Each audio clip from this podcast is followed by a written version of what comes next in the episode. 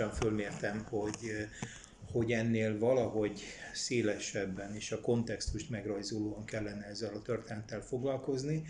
És amikor úgy elkezdtem ebben elmélyedni, akkor rájöttem, hogy itt mindenképpen valami a 19. század második felével kellene mélyebben foglalkozni azokkal a közvetlen előzményekkel, eszmetörténeti, jogtörténeti, társadalomtörténeti előzményekkel, amik, amik talán, talán érthetővé teszik, hogy miért jelenik meg ez az irányzat, és hogy összességében miért bizonyul ennyire gyengének. És, és hát ennek jegyében kezdtem foglalkozni, és hát világos, hogy ilyenkor mindig kell valamiféle kiinduló pont, és hát eléggé világos és egyértelmű volt, hogy ha nem akarok Klucsevszki, Szalavjó vagy Karabzi mintájára ilyen több kötetet írni, annak különben se lenne különösebb értelme ma már, akkor hát valahonnan el kell indulni, és hogy mi lehet az az elrugaszkodási pont, az nagyon nyilvánvaló módon kínálta magát, hogy ez a 19. század dereka, 50-es, 60-as évek, amikor egy ilyen nagyszabású előkészülete indul meg a reformoknak, és aztán elindítják a nagy reformokat. És hát az a, legalábbis én azt gondolom, hogy olyan részletességgel azokra a reformokról, amit a 60-as, 70-es években véghez visznek Oroszországban, magyar nyelven sehol másút nem olvasható, mint ebben a kötetben, amelyik ugye az első fejezetét adja és majd egy kicsit részletesebben is beszélek ezekről a reformokról, tehát nyilvánvaló volt, hogy ezt kell valahogy bemutatni, azt a nagyszabású kísérletet, ahogy a rendszer megpróbál egy ilyen arhaikus világból kiszakadni, és egy ilyen modern rendszerrel alakulni, és hát nyilván a késztetések vagy a kényszerek azok a krimi kudarccal függenek össze, de hát a krimi kudarc, ami hát egy nagy lökést adott nyilván, de hát emellett azért belső társadalmi folyamatok is egyre inkább érlelték, hogy itt valamit változtatni kellene. Tehát bizonyos értelemben kézenfekvő volt, hogy ezt a ezt a korszakot, a, a nagy reformok időszakát, ezt be kell mutatni, és nem szabad semmiképpen ennek a fejezetnek arra többé-kevésbé a valamelyest is művel tájékozott közönség előtt ismert négy legjelentősebb reforma korlátozódni, tehát a jobbágy felszabadításra, a 64-es bírósági reformra, illetve az EMSZO reformra, illetve a 74-ben bevezetett általános hadkötelezettségre. Ugye, ha tudnak a reformokról, akkor általában ezt a négyet szokás emlegetni. Nem alaptalanul, mert valószínűleg ennek a négynek volt a legátfogóbb és a legjelentősebb következménye és hatása, de úgy gondoltam, hogy ezentúl nyilván be kell mutatni a a városi reformot, be kell mutatni a rendőrségi reformot, be kell mutatni a cenzúra reformot, be kell mutatni, hogy a közoktatást és beleértve az egyetemi oktatást hogyan alakítják át. Szóval, hogy itt egyáltalán azt a pénzügyi reformot, aminek következtében nyilvánossá válik a, a a költségvetés, majd egy idő után a zárszámadás is, ami hát, hát a 60-as évek előtt elképzelhetetlen lett volna, hogy a, akár csak egy szűk művelt közönség számára ismertessék, hogy a büdzsét azt mire is fordítják. Nem kell meglepődni, két A4-es papíron elfért kezdetben, hogy a költségvetés az micsoda, de mégiscsak fontos fejlemény volt, hogy a hatalom elkezdett beszámolni arról, hogy a bevételeit abban az évben mire fogja fordítani, és néhány elteltével az árszámadás is nyilvánosságra került, hogy ebből aztán mi teljesül. Ugye ez mind a 60-as évek fejleménye. Tehát azt akarom mondani, hogy az első dolog az világos volt, hogy ezt a nagyszabású kísérletet, hogy ebből az archaikus világból kiszakadjunk, és egy ilyen modern és a, az európai nagyhatalmi versenyben Oroszországban versenyben lévő hatalmakkal versenyezni képes Oroszország legyen, ahhoz nagyon sok területet meg kell változtatni. Úgyhogy már egy kicsit részletesebben beszélnek ezekről a reformokról. És hát utána pedig adódott a második fejezet témája, hogy mi az, amihez viszont nem mert hozzányúlni a hatalom. Nem mert hozzányúlni a politikai rendszerhez. A politikai dizájn lényegében érintetlen marad, a reform nagyon sok területet érint, és a reformok azok iradálódnak, tehát nagyon sok irányba fejtik ki hatásukat, és bár közvetlenül a politikai intézményi világon nem történik változtatás, és a hatalom mindent megtesz annak érdekében, hogy megakadályozza, hogy például az EMSZTVOK, tehát ez a korlátozott önkormányzat, ami létrejön a 60-as évek derekán, amikor próbál országos szervezetté válni, tehát valamiféle kongresszust, vagy valamiféle parlamentarizmust kialakítani, akkor a leghatározottabban útját állja minden ilyen kísérletnek. De ezzel együtt nyilván annak köszönhetően, hogy eh, hát a közéletiségnek vagy a helyi politikának mégis legális szintere megteremtődik 1864-től. Nem komoly politikai ügyeket bíznak persze az emsztókra, de mégiscsak a helyi közösség ügyeinek, egészségi ellátásának, úthálózatának, az adott közösség szépészeti rendben tartásának, tehát nagyon sok mindent. Az emberek Oroszországban lényegében az emszóknak köszönhetik döntő számukban, vagy döntő arányukban, hogy nem javasasszonyok, nem bábák, intézkednek, hogyha egészségi problémájuk van, vagy szülést kell levezetni. Amíg nincsenek zemstvók, addig a vidéki, beleértve egyébként nem csak a faluban, hanem a kisvárosokban élők nagy többségét soha életében orvos nem látja. Tehát annak köszönhetően, hogy 64-ben létrejön az EMSZTO, és az EMSZTO-kra bízzák például, hogy az utakat karban tartsa, hogy létrehozzon egészségügyi szolgáltatást, öreg gondozás, tehát az idős emberek, illetve szegény emberek ellátását. Tehát egy csomó olyan szociális feladatot kap, ami elég távol van a úgynevezett nagy politikától, de mégiscsak egyfajta közéleti szerepet kölcsönöz ezeknek az intézményeknek, egy olyan politikai kultúra megszületésében játszik közre, ami azért mégiscsak eredményezi azt, hogy a század végéhez közeledve egyre erőteljesebben forszírozzák ezek a zemszóban nevelkedő politikai aktivisták, közéleti szereplők, hogy legyen parlament, legyen alkotmány. Tehát még egyszer mondom, ugyan a politikai dizájn lényegében a 20. század elejéig, az 1957-es forradalomig érdemben nem változik, de épp a, de bizonyos értelemben még a bírósági reform is azért a maga módján elkezd abba az irányba hatni, hogy itt kialakul egy közéleti nyilvánosság, ez a nyilvánosság egyre inkább demokratizálódik, és hát a dolgok elkezdenek egymással összefüggeni, az alfabetizációban is jelentős változás következik be, egyre többen tudnak írni, olvasni, ami egyébként szorosan összefügg az általános hadkötelezettség bevezetésével. Ugye itt vagyunk a modern hadsereg születésének pillanatában, amikor is már a hadseregnek olyan katonákra van szüksége, akik legalább írni, olvasni tudnak. És hát a férfiak és a nők írásbeli írni, olvasni tudása között jelentős volt a különbség 1874 előtt is, de az általános hadkötelezettség bevezetésével ez az olló még inkább szétnyílik, mert ugye a hadsereg gondoskodik róla, hogy azokat a katonákat, akik ott szolgálnak a hadseregben, azokat megtanítsa írni, olvasni. És ugye a nők esetében ez a fajta e, intézményi háttér nincs, és akkor lehet látni, hogy nagyon jelentősen szétnyílik. Tehát furcsa mód nem gondolnánk először rá, hogy milyen civilizatorikus feladatot is teljesít az általános hadkötelezettség bevezetése. Tehát a második nagy fejezete a könyvnek az, az megpróbálja bemutatni azt az intézményi világot, politikai intézményi világot, amihez nem mer hozzányúlni a rendszer, fél tőle. Az autokrácia nem akarja semmilyen formában korlátozni magát, sem úgy, hogy egy ilyen akár csak tanácskozási jogkörű országos intézményt, valamiféle parlamentet hozzon létre, se pedig úgy, hogy az uralkodó fölé formálisan egy alkotmányt telepítsen, és az nagyon világos határokat szabjon a, az uralkodó lehetőségeinek, ezt nem meri megtenni. Második Sándor, ugye a reformkor kulcsalakja, közvetlenül azelőtt a merénylet előtt, ami kioltja életét, ott egy ilyen, hát nagyon-nagyon korlátozott alkotmányra emlékeztető dokumentum aláírására készült, de hát a merénylet megakadályozta, és aztán a fia, a harmadik Sándor,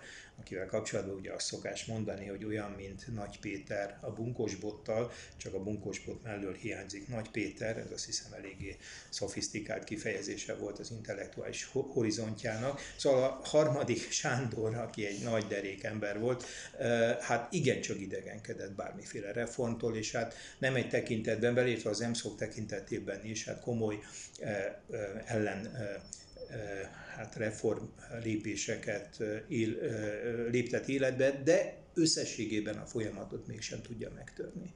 És hát a harmadik fejezet pedig hát azzal foglalkozik, ami ugyancsak a nagy reformok által nem lesz érintve, ez pedig a társadalom rendies szerkezete. Ugye Oroszország rendies társadalomban él a 18. századtól, igazán talán a 18. század második felétől beszéltünk erről, de ellentétben mondjuk Nyugat- és Közép-Európával ez a rendies szerkezet, ez mesterséges találmány, mint egy az állam fölülről hozza létre és sorolja be tagolja be a társadalmat különböző rendi csoportokba, mert egyrészt gondolja, hogy így majd hasonlít majd Közép- és Nyugat-Európára, és könnyebben irányítható.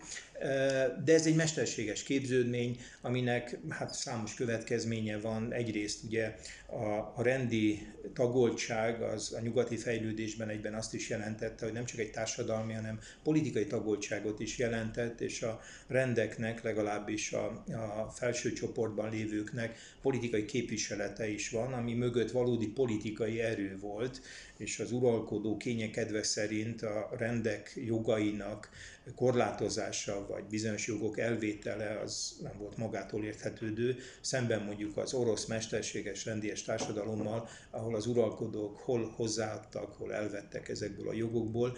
Ez is mutatja, és hát nincs semmiféle rendi képviselet, tehát rendi parlamentekről, egyáltalán Szeimről, vagy Landtagról, vagy bármiről, amit ugye parlamentként szokás emlegetni, rendi parlamentként szokás emlegetni, az az orosz fejlődésből hiányzott.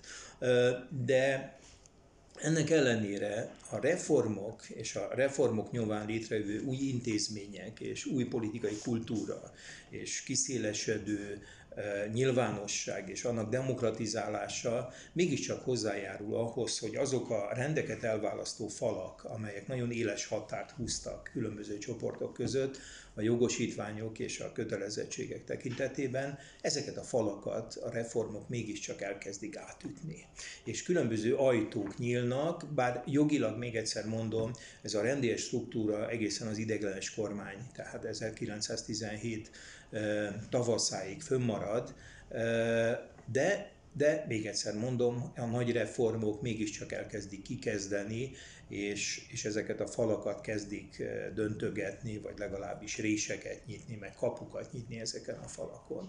Tehát ilyen értelemben elég természetesen adódott, hogy ezt a három nagy területet próbálom körbejárni, és hát az elmondottakból talán világos, hogy nem egy köztörténeti vagy politikatörténeti könyvet akartam írni. Számos nagyon kiváló ilyen munka magyarul is olvasható, most még egyet írni nem láttam volna különösebb értelmét, de az érdekelt, hogy bizonyos elemei az orosz történelemnek és bizonyos intézményei azok azok hogy jönnek létre, és hát a, ahogy egy mondjuk köztörténeti vagy politikatörténeti könyvben felfelbukkannak ezek is, legfeljebb három-négy mondat értelmező ö, szöveg kíséretében. Ezt akartam mélyebben, átfogóbban bemutatni a magyar olvasónak, és hát, hogy ha esetleg elolvasták a kötetnek a bevezető részét, ami egy ilyen történelmi eszének tekinthető, amiben nem is arra tettem kísérletet, hogy az orosz másság értelmezését adjam, hanem inkább jelezzem azokat a területeket, problémákat, ahol az orosz történelmi fejlődés eltér a nyugat-európai vagy akár a közép-európai fejlődéstől. Tehát inkább az olvasó számára jelezni akartam, hogy egy milyen típusú, milyen stílusú, milyen műfajú könyvet tart a kezében, és jelezni, hogy itt ugyan Európában vagyunk, de Európának a keleti peremén, és ebből mik következnek az orosz tartalmi fejlődésre vonatkozóan. És még mielőtt visszatérnék a reformokra, és ezzel kapcsolatban mondanék még néhány dolgot, hát az az elképzelésem, és hát részben dolgozom is rajta, hogy ezt a történetet tovább írjam, mert a könyv, ahogy az alcíme is mutatja, ugye Oroszország a 19. század második felében, és hát valóban lényegében az 1850-es évektől a 80-as évekig, tehát egy ilyen jó három-négy évtizedet ölel át, arra koncentrálja a figyelmét, de hát számos kérdés kifejtésekor hát akár évszázadokat is vissza kell az időben ugorni, és akár a Moszkóvia körülményei közé is vissza vinni az olvasót, és időnként pedig hát ezen az 1880-as, 90-es határon is túlszaladok, és egy kicsit átugrom a 20. század elejére, de alapvetően itt három-négy évtizednek a történetére koncentrálok, és ennek megértéséhez kell időnként ebbe vagy abba az irányba elmenni. De hát az elképzelésem az, hogy ezt a történetet folytatni kellene, és az orosz századfordulóról szeretném és részben dolgozom is rajta, egy kicsit nehezen halad, mert hogy mindig van valami más, de rövidesen nyugdíjba megyek, és akkor ez a más, ez eltűnik, és akkor talán erre tudok koncentrálni. Szóval az orosz századfordulót szeretném megírni, és ott is körülbelül tudom, hogy mik lennének azok a nagy kötet struktúráját képző témák.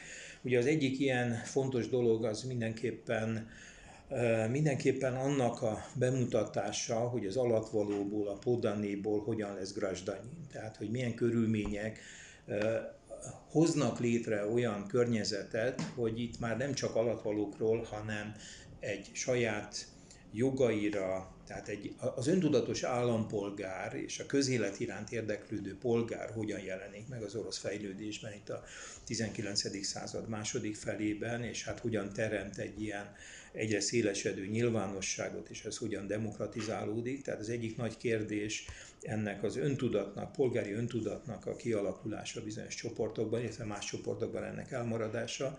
Ez nyilvánvalóan egy fontos dolog lesz. Hasonlóképpen fontos lesz bemutatni, aminek az előzményei már itt ebben a kötetben is időnként említést nyernek, de részletes kifejtésre nem kerülnek, a különböző közéleti kluboknak, egyleteknek, társaságoknak a létrejötte, amelyik hát ezt a demokratikus nyilvánosságot próbálja megteremteni és fórumokat létrehozni, amelyek talán kezdetben inkább a szakmai együttműködésnek a szinterei voltak és úgy szerveződtek, és később válnak közéleti, politikai jellegű egyletekké, klubokká, Nyilván ezt be kellene mutatni, aminek szintén óriási hatása és jelentősége lesz ebben a, abban a folyamatban, hogy az alatvalóból állampolgár, tudatos állampolgár legyen.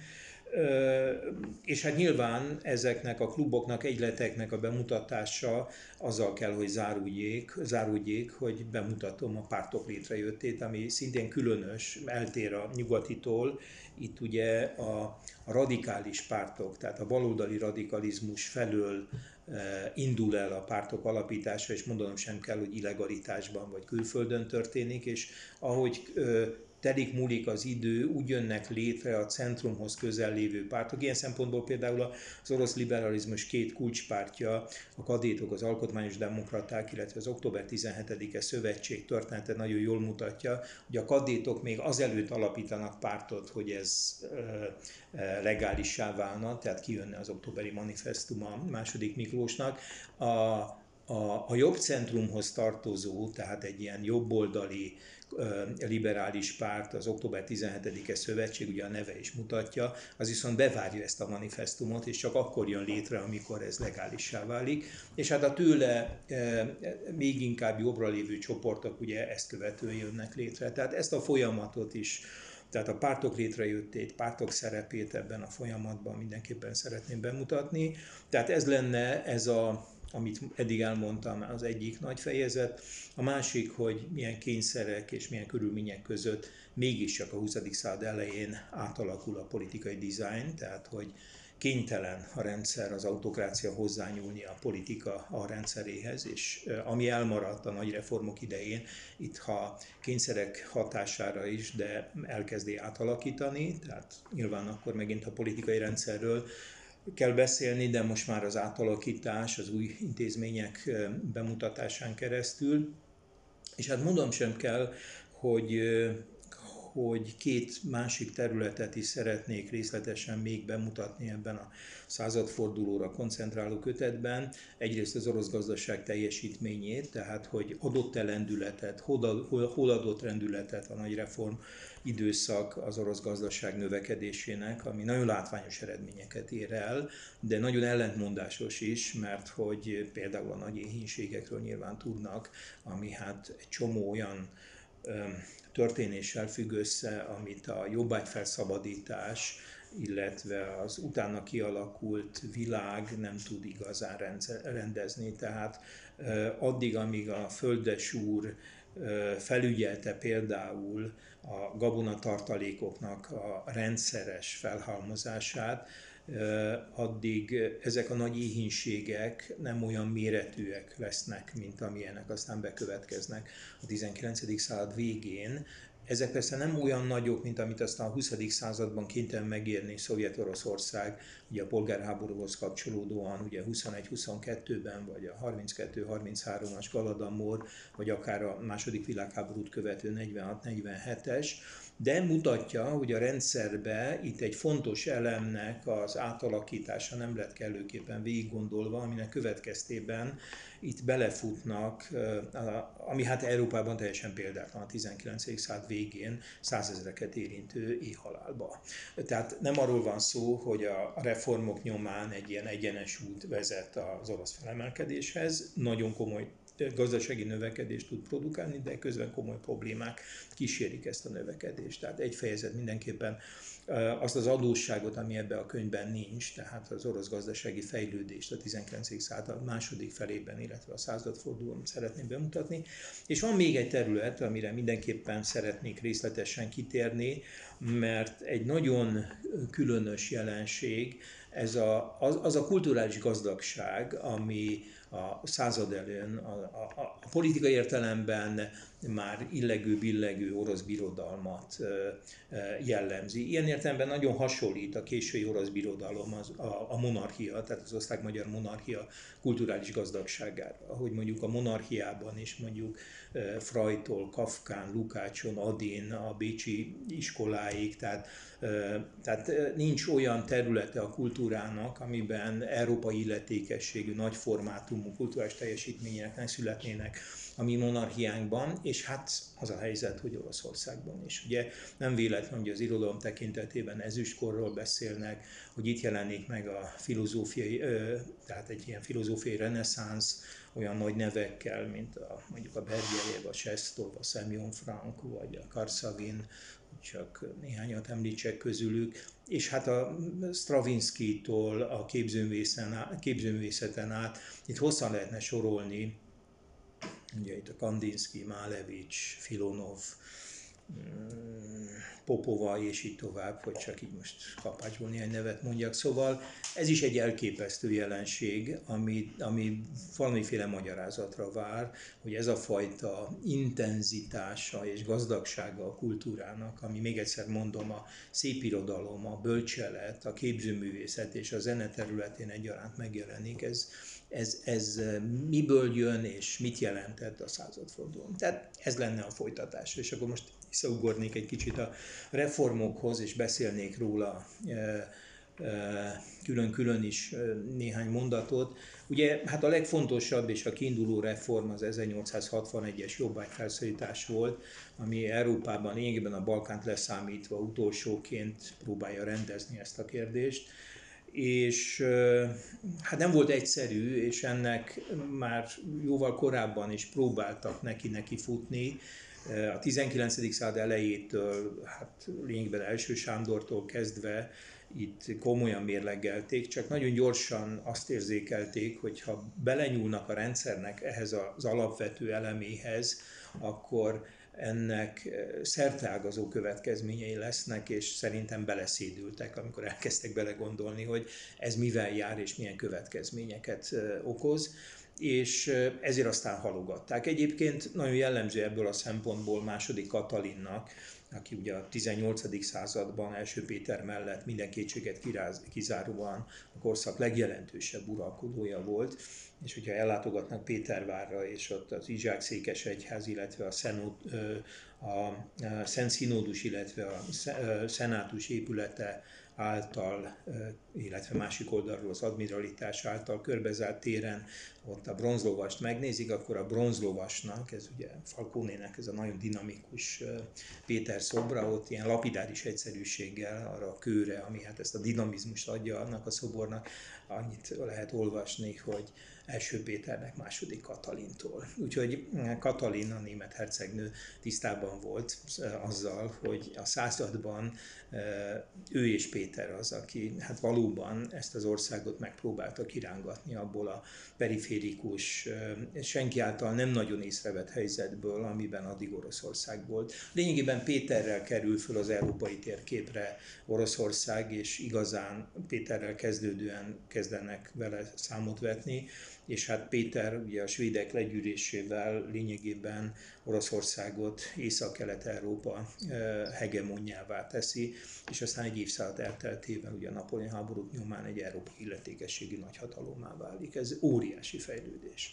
Úgyhogy második Katalin komolyan mérlegelte, tehát őt, őt nagyon-nagyon aggasztotta ez a helyzet, de hát be kell. Ugye második Katalin a felvilágosodás korának uralkodója, aki kiterjedt levelezésben állt a kor vezető francia filozófusaival, Voltaire, Rousseau, Diderot, hogyha egyébként ellátogatnak megint csak Pétervárra, akkor az Izsák Székesegyház másik oldalán van egy szürke épület, közvetlenül a sokáig ugye van egy ilyen, van egy ilyen mély bordó tufa épület, amelyik egyébként a, a német birodalomnak volt, mármint az első világháborúig, a nagykövetsége készült be, az Inturisnak lett a székháza, és amellett van egy szürke épület, 18. századi épület, aminek a falán többek között azt olvasható, hogy Kazimir Málevics nem tudom hány évet ott élt, és itt szállt meg Deni Didro, amikor ellátogatott Szentpétervárra. Most a Didróval is rendszeresen, Russzóval is rendszeresen levelezett.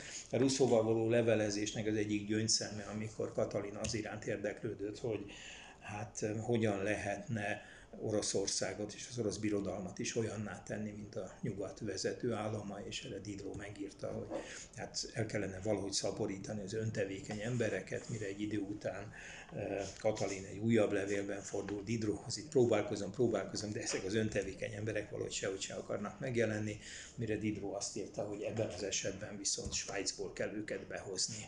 Tehát, hogy itt ugye van, van tehát, hogy a gondolat szintjén nagyon gyorsan sok mindent világosan látnak, de hát a következmények azok mint egy ilyen, mint egy ilyen örvény taszítják, vagy dobják vissza az akaratot, hogy akkor valamit csináljunk. Ugye hihetetlen szisztematikussággal kezdenek hozzá szinte valamennyi reformhoz, így a jobbágyreformhoz is, vezető bürokratákat küldenek szét Európába, hogy az ottani tapasztalatokat begyűjtsék.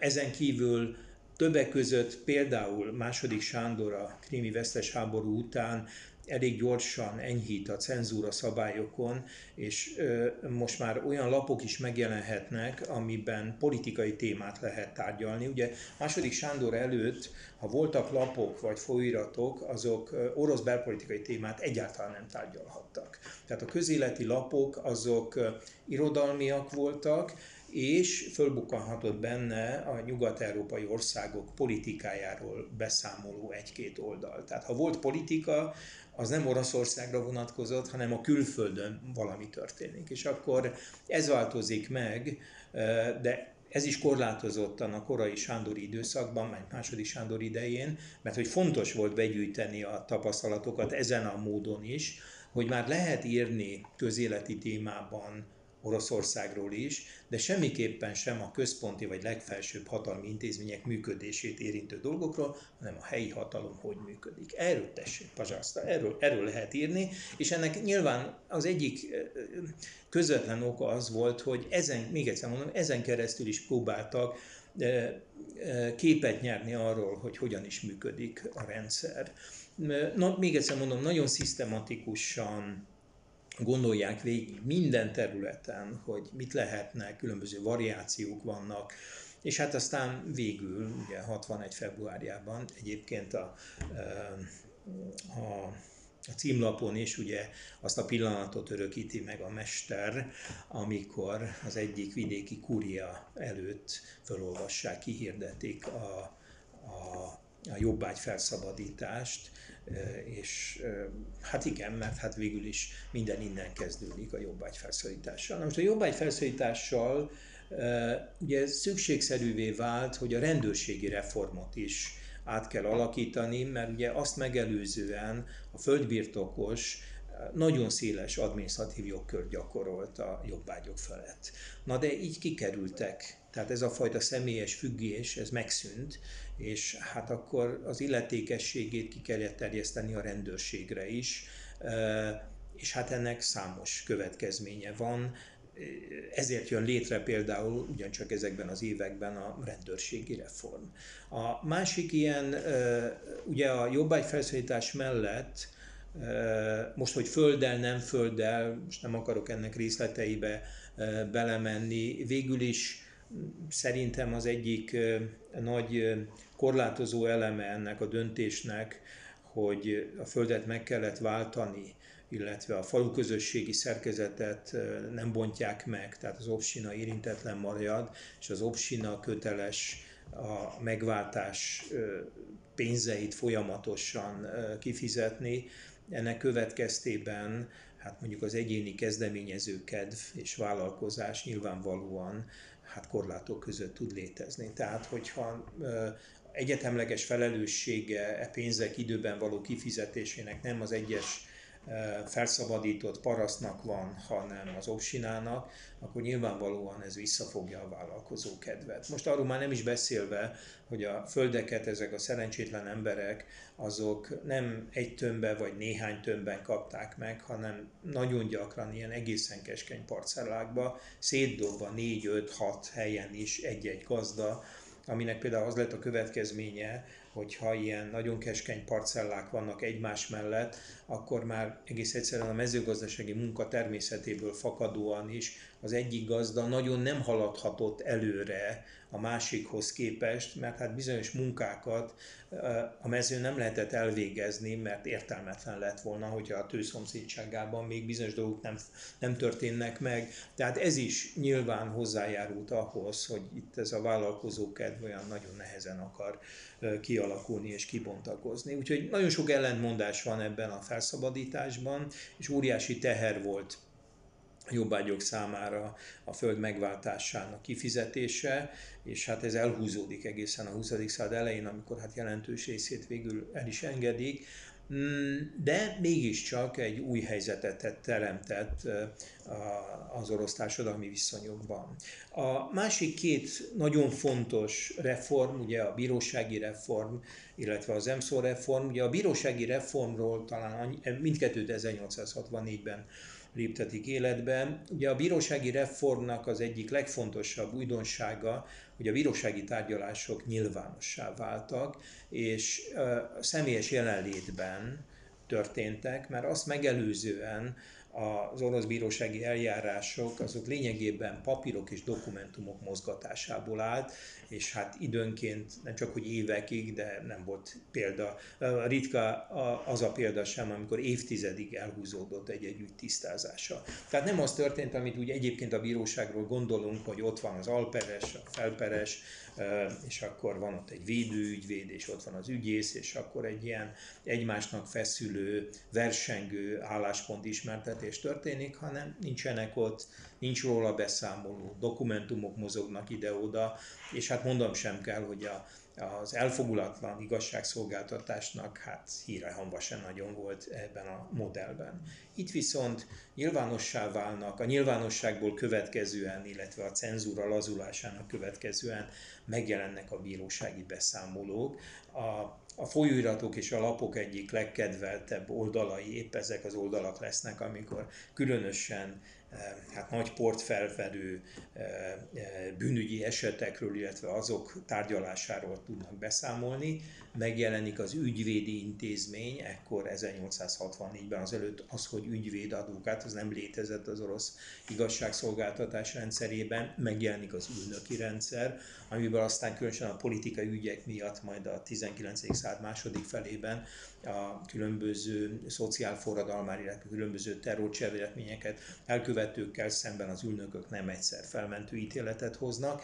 És hát, hogyha például Dostoyevsky olvassák a Karamazov testvérekben, ugye az egyik leg, vagyis a nemesség számára az egyik legnehezebben feldolgozható dolog nem is az volt, hogy kikerültek a jobbágyok az ő felügyeletük alól, hanem hogy ülnökökként ezen túl ők is kerülhettek olyan bíróság elé, ahol nemrég még jobbágyok, frissen felszabadított parasztok ítélkeztek felettük.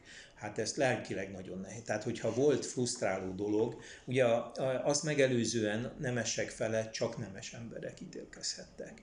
Itt ugye 1864 az által, törvény előtti egyetemleges egyenlőséget is bevezeti, ami mondom sem kell, hogy mint, mint lépés rendkívül fontos volt. A gyakorlat azonban, különösen a frissen felszított parasztok esetében, hát messze nem így működött, és még a 20. század elején is az ő körükben felmerülő konfliktusok, jogviták nagy részét nem a független bíróságok előtt tárgyalták meg, hanem adminisztratív eljárásban, vagy a szokásjog szabályai szerint. Tehát egy ilyen kettős jogrendszer alakult ki, tehát egyrészt a, a jogegyenlőséget kihirdetik, elvileg létrehozzák a független bíróságokat, de továbbra is ezek a frissen felszólított parasztok ügyei jó részt nem kerültek ilyen bíróságok elé, és ez évtizedekig együtt maradt. Ez is mutatja, hogy a tradícióknak micsoda óriási ereje van, és ebből a, a tradíciók szorításából ilyen hihetetlenül nehéz kiszabadulni. De ezzel együtt is ugye megjelennek azok az intézmények, a vizsgálóbíró intézmény, elválik a rendőr és a vizsgálóbíró, tehát itt fontos olyan jogintézmények jönnek létre,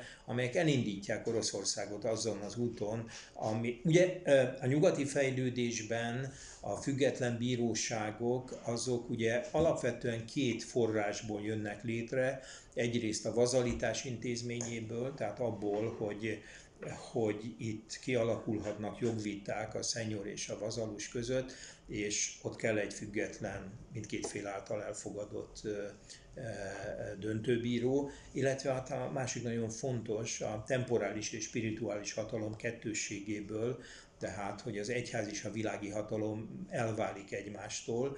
Van egy verseny, de kölcsönösen elismert legitimitás jegyében folyik ez a verseny köztük, vagy konfliktus. Tehát ez ugye Oroszországban nincs, ugye ott a szimfónia egyfajta erős szimbiózisban létezik a világ és az egyházi hatalom. Tehát ez a két forrásra a független bíróság egyfajta szerves, alulról jövő kialakulásának, ez hiányzik, és hát itt kell mesterségesen ezzel a 64-es reformmal kialakítani. Hát a másik, amiről részben beszéltem, ugyancsak 64-es fontos reform, az az EMSZTO reform volt, amivel lényegében egy ilyen korlátozott önkormányzatiságot teremtenek meg. Kuriális rendszerben történik a választás, tehát a parasztok is egyfajta képviseletet kapnak, és a nemes emberek is az adott területen élők, meg más rendekhez tartozók. Tehát mondanom sem kell, hogy a nemesek és az egyházi személyek azok felülreprezentáltak az emsztókba, de mégis itt kezd a közéletnek az első legális szintere megteremtődni, és nagyon sok olyan funkciót delegálnak az emsztvokhoz, ami, ami hát modernizálja, tehát nem csak a nagyvárosokban, hanem a vidéki életet is. És még egyszer mondom, hát a politikai kultúra és a közéletiségnek egy fontos szintere lesz. Meg kell változtatni a városok működését is, tehát a zemstvo, ami nem a nagyvárosokra, a városokra, hanem a vidéki életre vonatkozott. A városi reform az lényegében az zemstvo reformnak a városokra vonatkozó változata volt, ahol hát nyilván még nagyobb arányban egyrészt ott vannak a messányi, tehát a, a kispolgárok, és hát ott van az a vegyes rendű része az orosz társadalomnak, amelyik hát egyfajta szellemi motorja lesz a, a demokratikus nyilvánosság kialakulásának, és hát nagyon fontos szereplők, hát mondjuk egy példát mondjak, ugye a konzervatív liberalizmusnak az egyik, hanem legjelentősebb képviselője Boris Csicserin, aki egyébként nagybátyja a későbbi külügyi népbiztosnak. Boris Csicserin például hosszú éveken keresztül Moszkva helyi dumájának lesz a vezetője, tehát a helyi önkormányzatnak, városi önkormányzat a vezetője, tehát ő nem csak ilyen nagyon fontos könyvek szerzője, de gyakorlati életben is egy fontos zemsztvó aktivista, vagy zemsztvó politikus, és hát számos további példát lehet említeni. És hát ugye 1874-ben bevezetik az általános hadkötelezettséget, ezzel párhuzamosan nagyon fontos modernizálása történik a hadseregnek, de például az általános hadkötelezettség az még mindig a rendi különbségeket fenntartva értendő, tehát ha valaki mondjuk örökletes nemes volt, akkor ez a kötelezően letöltendő katonai szolgálat jóval rövidebb volt, mint hogyha ugyanez egy frissen felszabadított parasztra vonatkozott. Tehát itt a rendi tagoltság a katonai szolgálat idejére nagyon jelentős hatást gyakorolt. Utaltam rá, hogy már a korai fázisban elkezdődik a cenzúra enyhítése, merőben gyakorlati megfontolásokból. Egyébként az a kifejezés, amit ugye leginkább a, az Érenburgnak az Ótyépel nevű Olvadás című, egyébként szerintem olvashatatlan regénye, de hát próbálkozzanak vele. Szóval magyarul is olvasható két kis barna kötetben, legalábbis az első kiadás így néz ki, szerintem borzalmas a kötet, de mégis egy korszaknak adott elnevezést. Az Ótyépel az nem itt a 20. században jelenik meg először, hanem, hanem Tyucsev lesz az, aki a, a, második, a második Sándornak az első a cenzúrát oldó lépéseiről beszél úgy, hogy elkezdődött az ottjépel. Tehát a második Sándor, történetileg a fogalom az előbb jelenik meg nyilvánvaló módon, itt a 19. század derekán a, a korai reform előkészítő években már, és hát ezt veszik föl és használják újra majd a 20. században. Ugye a, a a cenzúránál az a fontos változás következik be, amit röviden úgy lehetne összefoglalni, hogy az előzetes cenzúrát az utólagossá váltják föl, ami persze hát nyilván a kiadóknak és a szerkesztőségeknek bizonyos kockázatot jelent és öncenzúrát, de mégis más ez a helyzet, amikor előzetesen kell valamit állandóan benyújtani, ahhoz képest, mint hogy kiadód, és akkor esetleg utólag húzzák meg a füledet képletesen. Tehát mégiscsak itt a dolog elkezd egyre, egyre, egyre szabadabbá válni. Ugye a pénzügyi reformról annyiban beszéltem, hogy még hogyha két A4-es oldalnak megfelelő is ez a birodalmi költségvetés, de úgy nagy vonalakban az a e, már nem pár száz, hanem néhány ezer ember, aki ilyen közéleti ügyek iránt érdeklődik, a folyiratok lehozhatták a költségvetést. Tehát, hogy tudták a polgárok, hogy van ennyi bevétele a birodalomnak, és akkor ebből ilyen területre ennyit, olyan területre annyit, ez, ez lényegében a 60-as évek, megint csak a 19. század második harmadának fejleménye, azt megelőzően erről szó nincs. Ugye azt se felejtsük el, hogy Oroszországban nagyon későn válik, intézményesen is elkülönülté, hogy mi az uralkodó magántulajdona és mi az államtulajdona. Ugye ez a patrimonalitásnak, ez a hosszan elhúzódó következménye, hogy Nyugat-Európában is van egy ilyen periódus, amikor az uralkodó magánvagyona és az államvagyona az nem válik el egymástól, és az alatvalókra kicsit úgy tekint, mint akik fölött nem csak politikai hatalmat gyakorol, hanem egyfajta tulajdonának is tekinti. De ez nagyon rövid periódus. Az oroszban, az orosz fejlődésben ez hosszan kitart, és ennek a hosszan kitartottságnak az egyik nagyon jól tetten érhető következménye, hogy a 18-19. század fordulóján válik el egymástól, hogy az uralkodó mit tekinthet a család magántulajdonának, és mi az, ami az állam tulajdona, és csak bizonyos korlátok között nyúlhat hozzá, vagy rendelkezhet fölötte. Ugye ez is egy, hát itt van egy kis labdadobásra az időben tőlünk, hogy a 19. század elején válik ez a két nagyon, egyébként nyilvánvalóan különböző dolog el egymástól.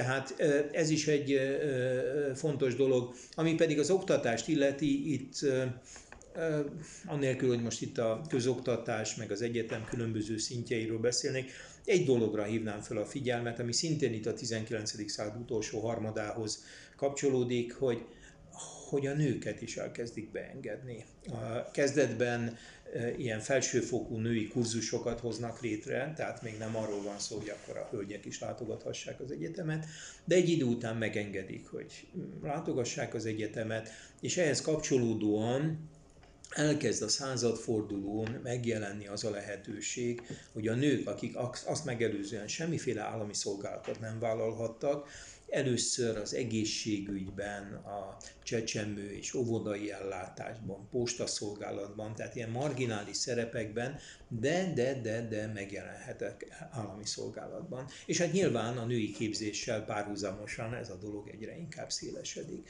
Úgyhogy itt is, és hát mondjuk a könyvben elég részletesen például a városiasodás különbségeiről, az orosz városok külön, a nyugatitól eltérő státuszáról beszélek, illetve hát hogy hogy kell elképzelni mondjuk a 19. század második felében egy orosz várost, milyen épületek voltak, általában mindig templomból jóval több volt, mint kulturális intézményből, de azért a kulturális intézmények is kezdenek létrejönni, és, és modernizálódik a, ez a világ. Ugye a, a, a 19-20. század fordulójára már van két milliós városa, tehát milliónál nagyobb népességű városa a birodalomnak, ugye Szentpétervár lépi át először, aztán Moszkva, és hát, hát vannak olyan egészen elképesztő történetek, hogy a 18. század végén alapított Odessa, az a 19. század végén már a birodalom harmadik, negyedik legnépesebb városa. Tehát Szentpétervár, Moszkva után ugye Riga és Odessa az, amelyik. Tehát egy száz év alatt tud a birodalom harmadik,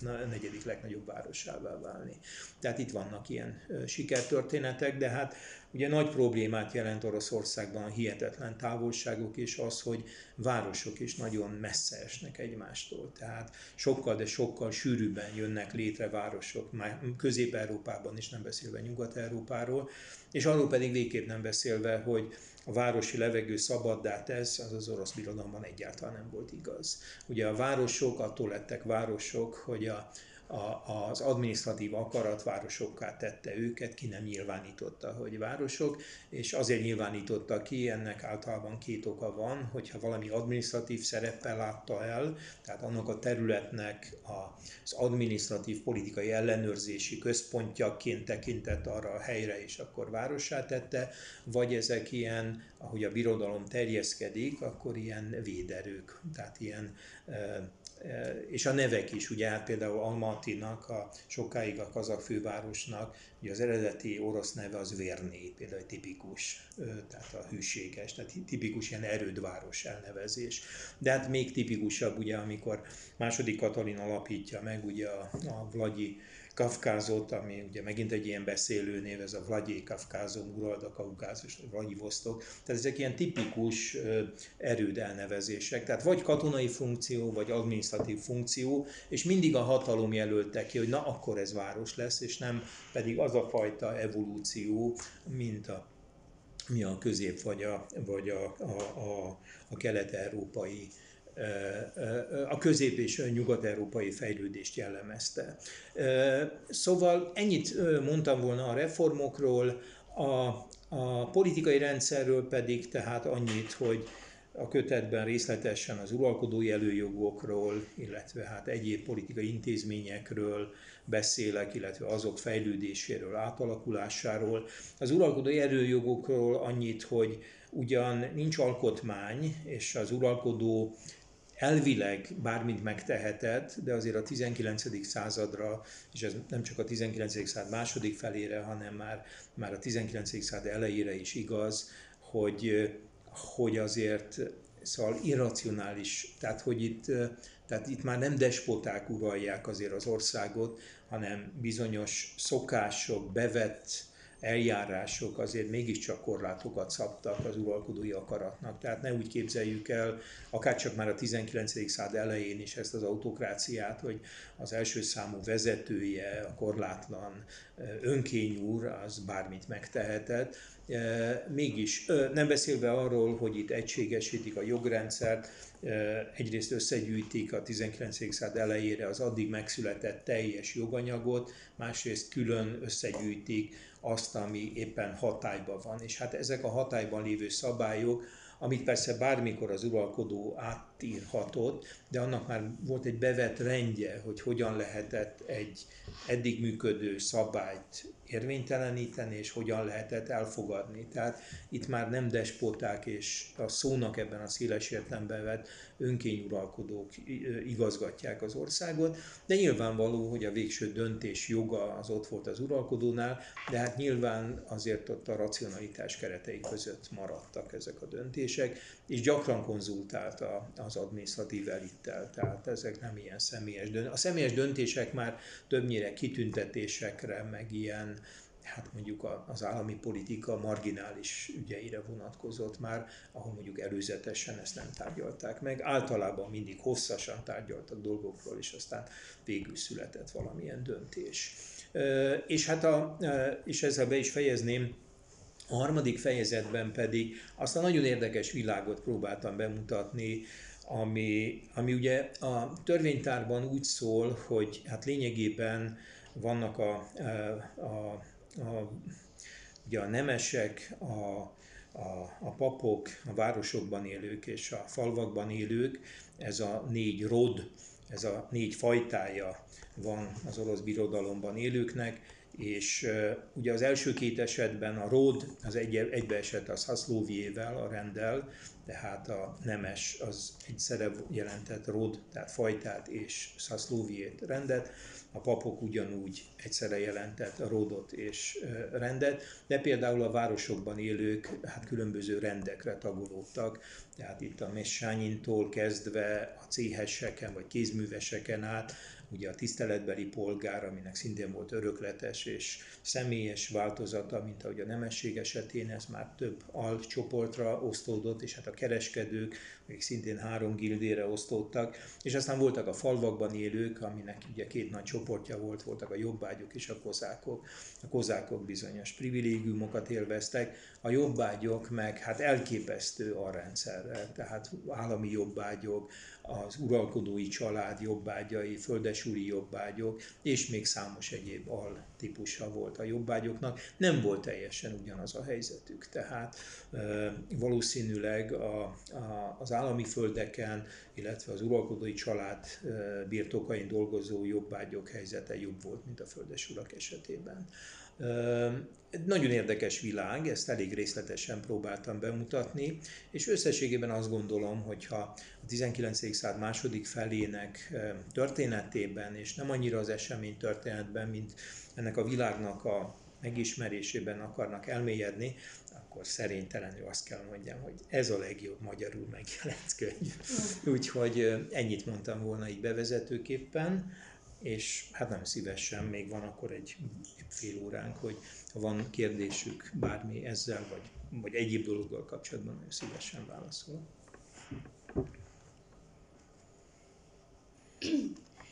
Az, hogy nincs alkotmány, de mégis azért a, az uralkodónak ez a teljhatalma, ami ugyan jogilag lehetséges lenne, de a gyakorlatban mégsem érvényesül. Mégsem érvényesül, gondolom, saját jól felfogott érdek. Abszolút, abszolút, persze. Hogy, hogy ez egyfajta ilyen mentalitás fejlődés, hogy ez, hogy, hogy ez ma elvész. Ja, hát ma, szóval, igen. Hogy, ma elvész. Tehát, hogy úgy értem, hogy tehát nem, a, nem politikai párhuzamokat szeretnék vonni, hanem inkább ezen így gondolkozom, hogy hogy, hogy valami, ami mondjuk a 19. században racionálisnak tűnt, hogy önkorlátozó legyen, mhm. az ma nem tűnik racionális. Tehát, hogy ez milyen folyamatokkal van Hát ez, ez érdekes történet, hogy most ráadásul különösen annak fényében, hogy itt a Szovjetunió felbomlásával, aminek éppen most lesz decemberben, néhány nap múlva, ugye december 7-éről 8-ára viradóra írták alá a Belovészkai megállapodást, ami a jogival, jogilag megszüntetik a Szovjetunió, tehát mindjárt hozza a Mikulás a Szovjetunió végét. Szóval tehát 30 éve nincs, és akkor elindultak valami olyan úton, ami, ami megint csak szerette volna őket olyanná tenni, mint amilyen Nyugat-Európa. Ezt a egyébként tehát ezt nem Nyugat-Európa kényszerítette rájuk, tehát félreértés lenne azt gondolni, hogy a, a késői Gorbacsovi korszakban, vagy a korai Jelcini korszakban a nyugat oktrojálta rájuk azt, hogy most ti legyetek olyanok, mint amilyen, amilyenek mi vagyunk, hanem az a tevékeny része az elitnek, részben a újonnan felemelkedő, részben a kompromisszumkész régi elit, amelyik hát valahogy ott kiegyezik, közös célkitűzésének tekintette, hogy visszatérni a normalitáshoz. És ezt a kifejezést nem én használom, hanem, hanem ők használták magukra nézve, még a Primakovot is beleértve, aki hát egy igazán inkább konzervatív szereplő, de hát a 90-es évek elejének közhangulatát azt határozta meg, hogy próbáljunk olyanná válni, mint ahol, amilyenné válik. Nyugat ebben persze egy csomó illúzió volt, de szerintem az egy hamis interpretálása a történéseknek, hogy a nyugat oktrojálja rá, hogy ők akarjanak olyanok lenni. Nem, ők maguk akarnak olyan lenni, és azt a fajta kirekesztettséget, amiben voltak a szovjet korszakban, azt egy anomáliának gondolják, amit fel akarnak számolni, és aztán elindulnak ezen az úton, nagyon ellentmondásosan, nem azt mondom, hogy a legjobb megoldásokat választva, de semmiképpen sem a legrosszabb, és végképp nem az apokaliptikus, mert ugye gondoljunk bele, a szovjet felbomlással párhuzamosan itt a Balkánon is végbe megy egy bomlási folyamat, és a Balkán az 200 ezer ember életét oltja ki. Tehát az a bomlás, hogy Jugoszlávia nincs, és hogy ott a legerőteljesebbnek tekinthető hatalom és annak vezetése milosevic az élén Szerbia nem akarja elengedni a perifériát. Ugye ezzel szemben a Szovjetunióban és azon belül a legfontosabb köztársaság vezetése, ugye Jelcinnel, nem akadályozza meg, sőt, épp úgy gondolja, hogy az általuk elgondolt Oroszországra vonatkozó reformok akkor lehetnek sikeresebbek, hogyha különböző politikai és civilizációs okokból inkább nehezéknek tekintett déli transzkaukázusi és bizonyos értelemben még az európai szubrégióhoz tartozó területeket elengedjük, tehát a léghajóból kidobjuk, mint nehezékeket, akkor valószínűleg a politikai és a gazdasági transformáció az sikeresebb lesz. Szóval, de mégis nem konfrontálódik, tehát lényegében a Szovjetunió úgy bomlik föl, hogy a szovjet felbomláshoz kapcsolódóan, hát igazán két, igazán ami a felbomlás hoz szorosan kapcsolódik, két nagy konfliktus alakul ki, az egyik ugye a Karabahi, ami már 88-tól belobban, és ugye azzal függ össze, hogyha a birodalmi abroncs az annak szorítása elkezd enyhülni, akkor nyilván a végeken is másképpen viselkednek, és régi sérelmek azok a felszínre kerülhetnek, és a másik az elhúzódó hosszú tajikisztáni polgárháború, ugye, ami 91 és 97 között van, és ott is valószínűleg egy 200, 150-200 ezer ember halhatott meg, de mert annyira messze van a Pamirban, arról Európa nem nagyon vett tudomást. Ugye ehhez képest a Csecsen az részben kapcsolódik ehhez, de nem szorosan a felbomlás következménye. De összességében, hát végül is egy nukleáris hatalom területén történik a felbomlás. Lehetett volna ez a történet apokaliptikus is, hogyha a felbomláskor az elitek józansága az, az nem térítette volna el ezeket az újan, frissen, szuverénné vált országokat attól, hogy nagyon keményen ilyen határvillongásokba keveredjenek, és hát jellemző, hogy ugye az oroszok is úgy fogadták el Ukrajna szuverenitását, hogy elfogadták, hogy Ukrajna megy a Krimmel együtt.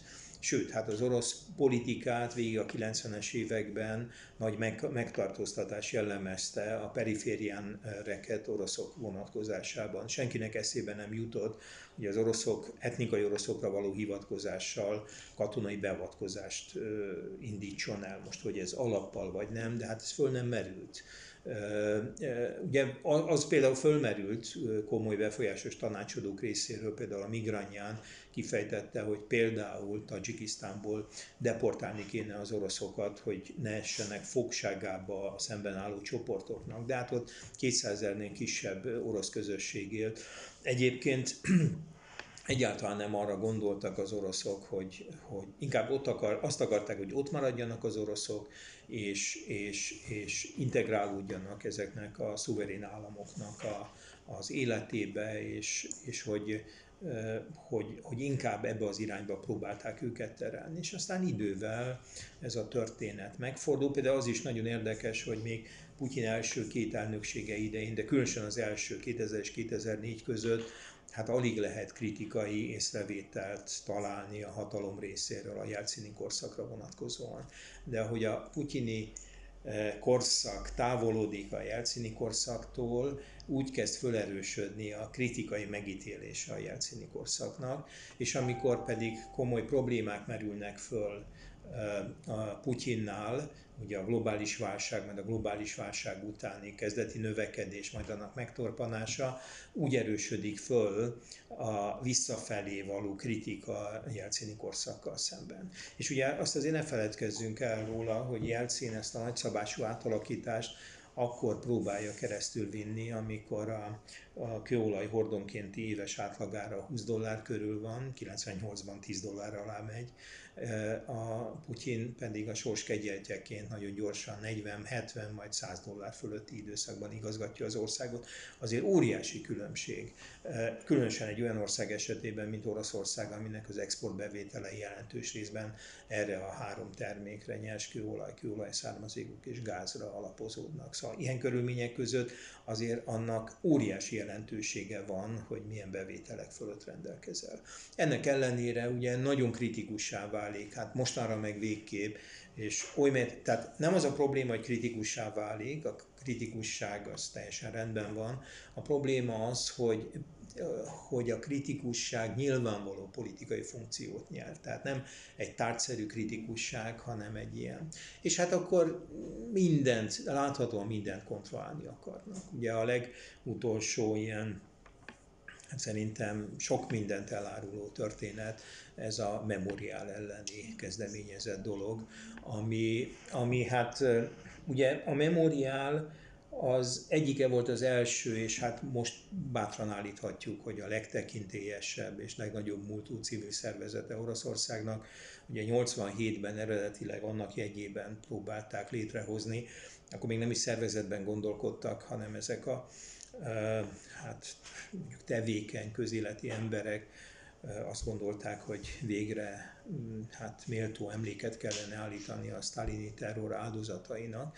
Tehát először egy emlékmű létrehozásában gondolkodtak 87-ben, de amikor 89. januárjában megalapulnak, akkor már az a feladat, hogy a sztálini korszak működési mechanizmusát tárják fel, és ugye Szaharov, Andrei Szaharov az első elnöke, és hát elképesztő munkát végeztek. Tehát ugye itt két szervezetről van ebben az esetben szó, ugye a Nemzetközi Memóriáról, amely főleg a történeti kutatásokban, illetve át a, a sztálini korszak bemutatásában egy ilyen történeti felvilágosító és népszerűsítő munkában, tehát egyszerre egy akadémiai kutatás és egy, és egy felvilágosító munka, Másról pedig létezik a már 91-ben létrehozott emberi jogi központja a memoriálnak, amelyik pedig a jelen hát emberi jogi problémáival, illetve a hatalom visszaélésével, visszaéléseivel foglalkozik, és 2014-től rendre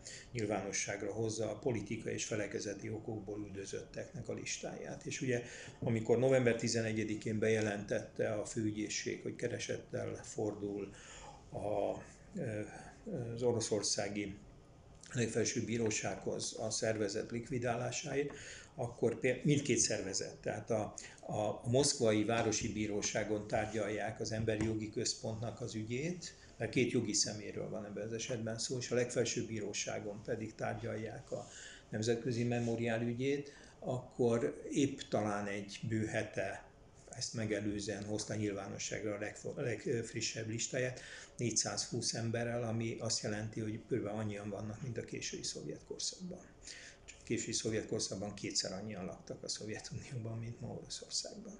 És hát láthatóan ez is, meg hát az is irritálja őket, hogy, hogy, hogy hát emlékezteti, nem hagyja feledésbe merülni a 20. század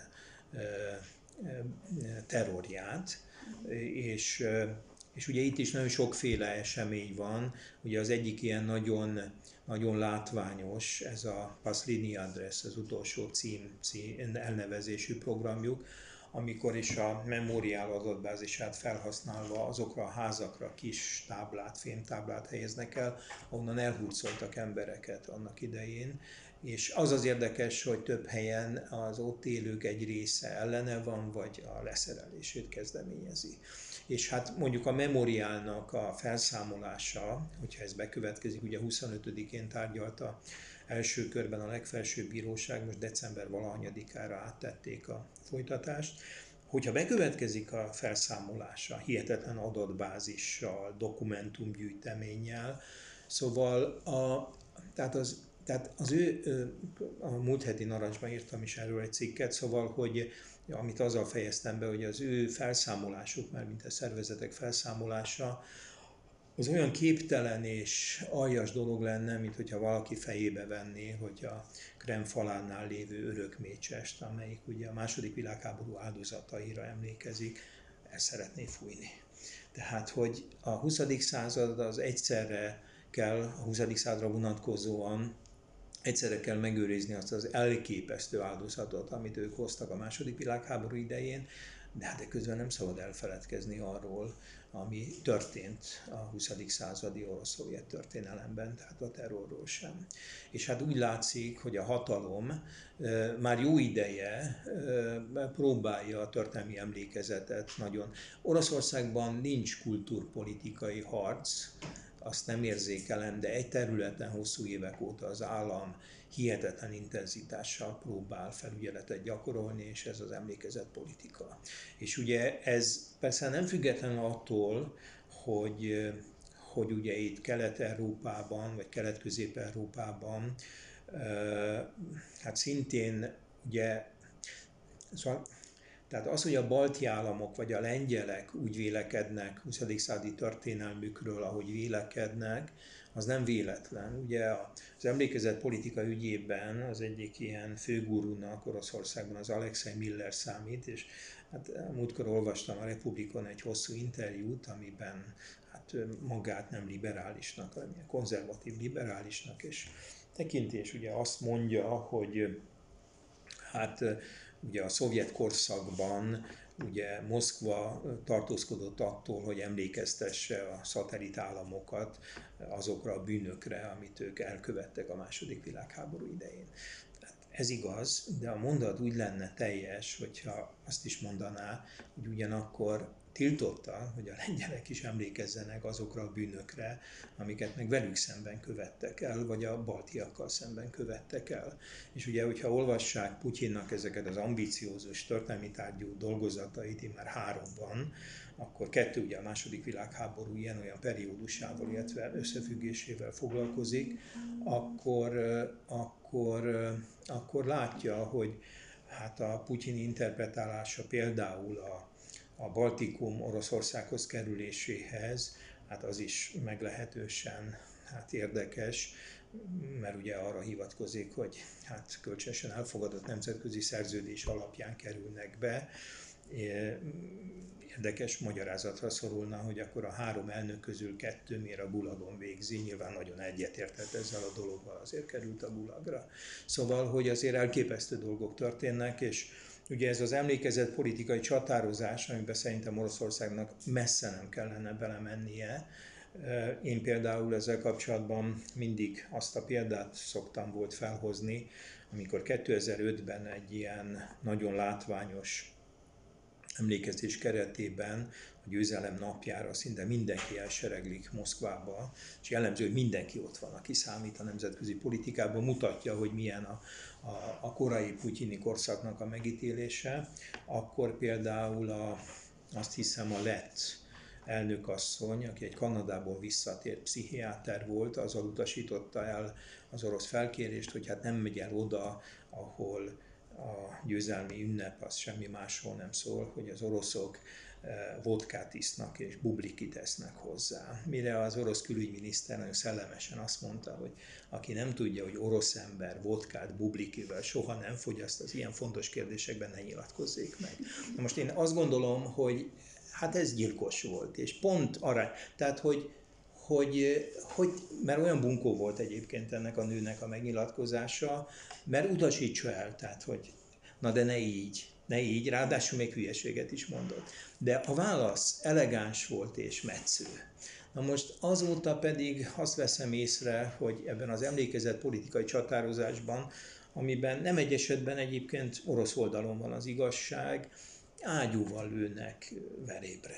Tehát, hogy és hát tényleg odáig mennek, nem beszélve arról, hogy hát az archívumok megint visszazárulnak, második világháborúra vonatkozóan fontos anyagok hozzáférhetetlenek, ugye a vezérkar anyagai továbbra is feldolgozhatatlanok, ami hát példátlan példa a második világháború győztes hatalmai részéről, hát ezek az archívumok teljes egészében. Tehát, hogy olyasmi történik, ami, ami szerint, vagy jellemző, hogy már Medvegyev idején, ugye ő 2008 és 2012 között volt Oroszország elnöke, már létrehoznak az elnök mellett egy ilyen jó rész történészekből álló bizottságot, aminek elvileg az lett volna a feladata, hogy ezeket az emlékezett politikai csatákat és az emlékezett politikát. E, nem sokat csinált ez a bizottság, de most például néhány hónappal ezelőtt Megyinszki, aki korábban hosszú éveken keresztül volt kultuszminiszter, most pedig Putyin emlékezett politikai tanácsadója, mert van ilyen poszt is, azt kezdeményezésére újra felállítottak egy bizottságot, ebben a bizottságban benne van a külügy, a belügy, az FSB, a jó ég tudja micsoda, egy történész nincs benne de a történeti felvilágosítás a feladata. Ez is mutatja az evolúcióját a rendszernek.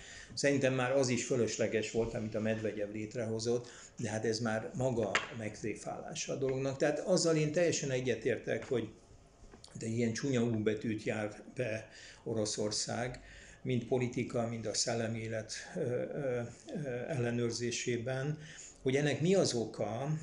Hát nyilván a saját kudarcuk, amit már egyébként a tízes évek közepén az elit egy része kinyilvánított, van egy ilyen nagyon tekintélyes, főleg a 90-es években voltak befolyásosak, a kül- és politikai tanács, az már 15-ben kinyilvánította, hogy ez a, ez a nagyszabású tranzit, ez Oroszországban kudarc, és ezt, ezt, ezt, ezt nem tudtuk végigvinni, na de hát akkor mi lesz helyette? Tehát, hogyha az nincs, azt nem tudták megvalósítani, akkor hatalomnak ez a túlkoncentrálása, ez lenne a megoldás. Az lenne a megoldás, hogy a környezetnek egy ilyen fenyegetett állapotban tartása, a posztszovjet térség geopolitikai újjászervezés, szóval mi lesz akkor a megoldás? És én azt gondolom, hogy persze, hogy Oroszország és az orosz társadalom hogy él, az döntően az orosz társadalom döntése, és rájuk tartozik, de az már nem tartozik rájuk, hogy ha a saját problémáikat kivetítik környezetükre, és ott konfliktus generál. Az már nem tartozik rájuk. Szóval igen. Szóval nem tudom a magyarázatát, csak detektálni tudom, hogy hogy jó ideje nagyon-nagyon rossz irányba mennek. Két nagy cezúra van ebből a szempontból.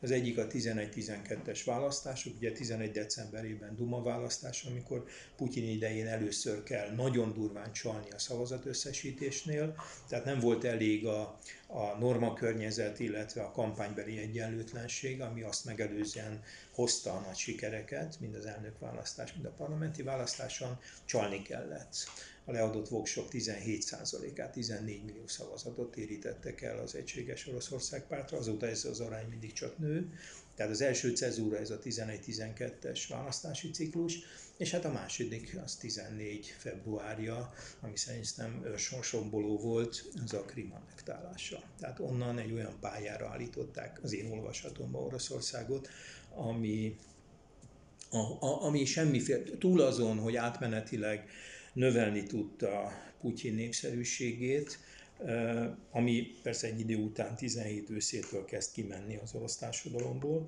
mm, hát csak, tehát elszigeteltséghez, azóta a globális növekedéshez képest mindig rosszabbul teljesít az orosz gazdaság, a reálbérek folyamatosan csökkennek, kumulálva már jóval 10% fölötti. Tehát nincs olyan fontos mutató, ami, ami azt igazolná, hogy a Krim annektálása az egy jó döntés volt. Tudok rövidebben is válaszolni.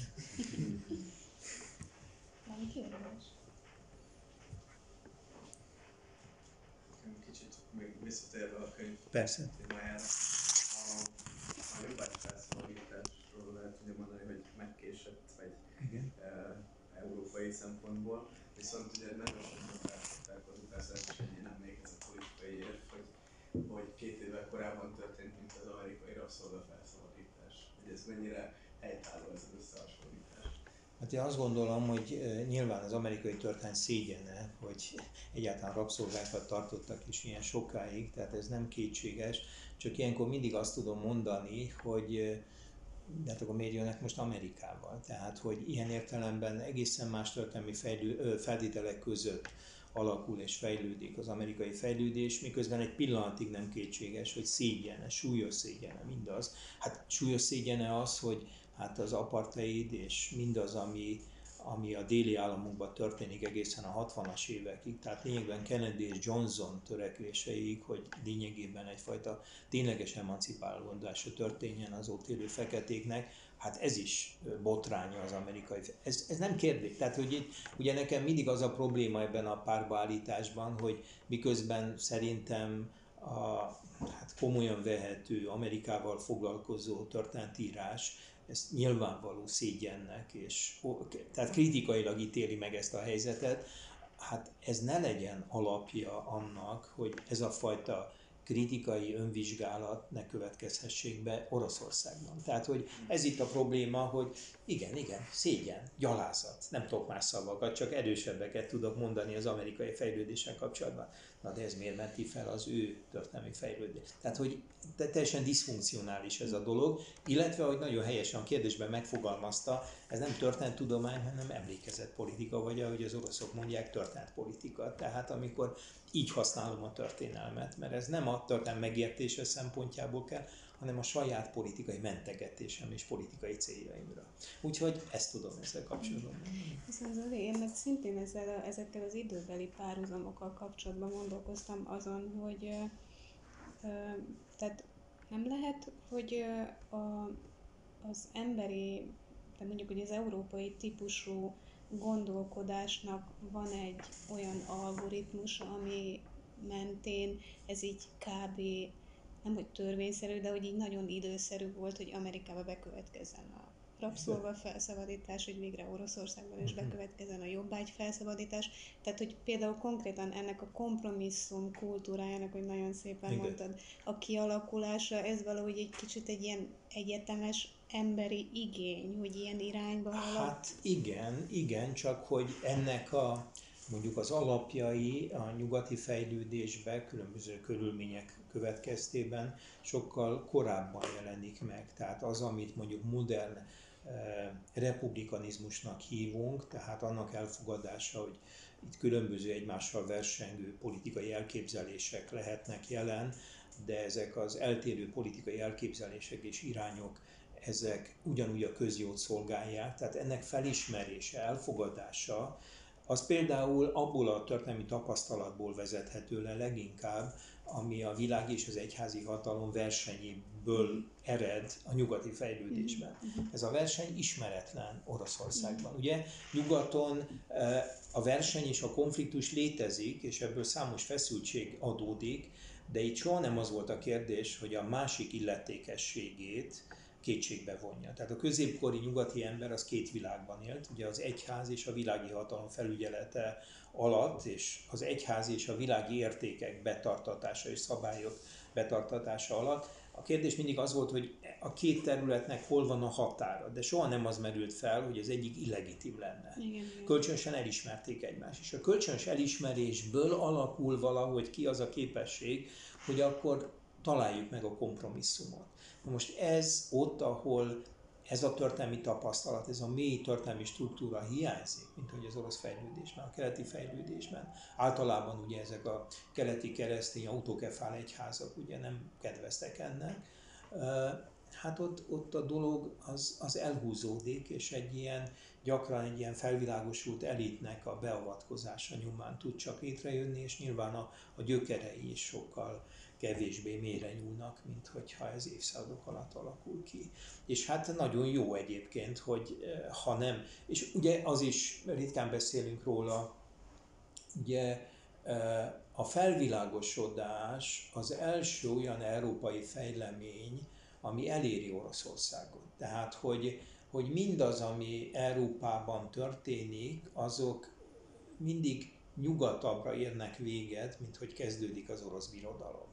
A felvilágosodás eljut nyilván egy nagyon vékony réteghez, és az uralkodóhoz, de azt egyidejűleg éli meg Oroszország, tehát eljutnak ezek az eszmék, de például ez is nagyon fontos, könyvben külön is beszélek róla, hogy miközben ennek értékei. Tehát, hogy a második Katalin is úgy gondolta, hogy az uralkodó feladata a társadalom egyetemlegesen egyetemleges boldogabbá tétele. Mm. Tehát, hogy az uralkodó az nem csak azért van, hogy ott eligazgassa a dolgokat, hanem kötelessége, hivatása, hogy a társadalom egészének boldogulását szolgálja. Ez egy tipikus felvilágosodás korabeli eszmény. Ezt osztja második Katalin. De az is jellemző, hogy ha tőle független intézmények vagy személyek próbálják ezt a gondolatot képviselni, megvalósítani, abban a pillanatban lecsap. Tehát igen, ezt az eszményt én osztom, de ezt én valósítom meg. Uh-huh. Ez a fő hatalomnak a privilégiuma. Mások tőlem függetlenül ezt ne tegyék. Szóval ez például egy érdekes dolog, hogy receptív módon átveszik, és kortásként veszik át, de itt van egy világos határ, hogy ez a főhatalom teheti, mi boldogítunk, más ezt ne csinálja. Tehát ilyen autonóm szigetek ne alakuljanak ki. Ez is nagyon, nagyon, nagyon, nagyon orosz történet. Egyébként egy mondat erejéig visszatérve a, a, memóriára, én egyébként 2009-ben, amikor az Arszenyi Roginski itt volt, és éppen a russzisztikában volt egy konferencia ősszel, és akkor itt volt még a, a, a hirtelen akartam mondani a nevét, akkor az archívumi főigazgató, akit aztán később kidobtak, épp a Megyinszki, és itt volt a Rosszpennek is a e, főigazgató, ő volt a, ők hároman voltak a vendégei a russzisztika által szervezett, szerintem kiváló konferenciának, akkor én nagyon jóba lettem velük, és itt néhány napig én mentem ide-oda, sőt, aztán az utolsó nap, amikor itt voltak, ők hívtak meg a szállodába, hogy akkor együtt vacsorázzunk, és akkor a roginski csináltam egy hosszú interjút, ami a Narancsban megjelent, hogy mik is vagyunk, mi valami ilyesmi címmel, amiben ő akkor már nagyon érdekes dolgokat mondott, és ugye az Arszenyi Roginski az egy ilyen legendás történész volt, és amikor én olyan fiatal ember voltam, mint önök, ami most már a messze múltba vész, és ott dolgoztam a, a, a az idegen nyelvű könyvtárban, amit akkor még Gorki könyvtárnak hívtak, és leginkább talán Göncöl Csabának, a már évek óta sajnos nem élő Göncöl Csabának köszönhetően nagyon jelentős emigráns gyűjtemény van a könyvtárban, amit ők vásároltak folyamatosan. És én ott olvastam a Pámiáty Historiczeski Zbornik, ebből öt kötet jelent meg, ezek eredetileg szamizdatként jelentek meg, és főleg a történeti anyaga különböző visszaemlékezéseket közölnek. Először szamizdatként, aztán kimegy Párizsba, és akkor tamizdatként megjelenik ez az öt kötet, aminek egyébként a szerkesztője Robinski. És én hát nekem az ott teljesen hát fantasztikus élmény volt ezeket a köteteket egymás után olvasni. El nem tudtam volna képzelni, hogy évekkel később majd a szerkesztőjével, aki egyébként még a késői Gorbacsovi kor, ne, a Gorbacsovi korszak korai szakaszában még börtönben ül a számizdat miatt, hogy aztán egy hosszú interjút csinálok vele. Úgyhogy, de már Roginski sem él, talán jobb is abból a szempontból, hogy nem érte meg, hogy ez a gyalázat történik ezzel a szervezettel. Hogy hát ezt tudom mondani. És hát köszönöm szépen, hogy itt voltak, meghallgattak. Remélem valami hasznos vagy érdekes volt, amit, amit elmondtam. Mi köszönjük, Zoli.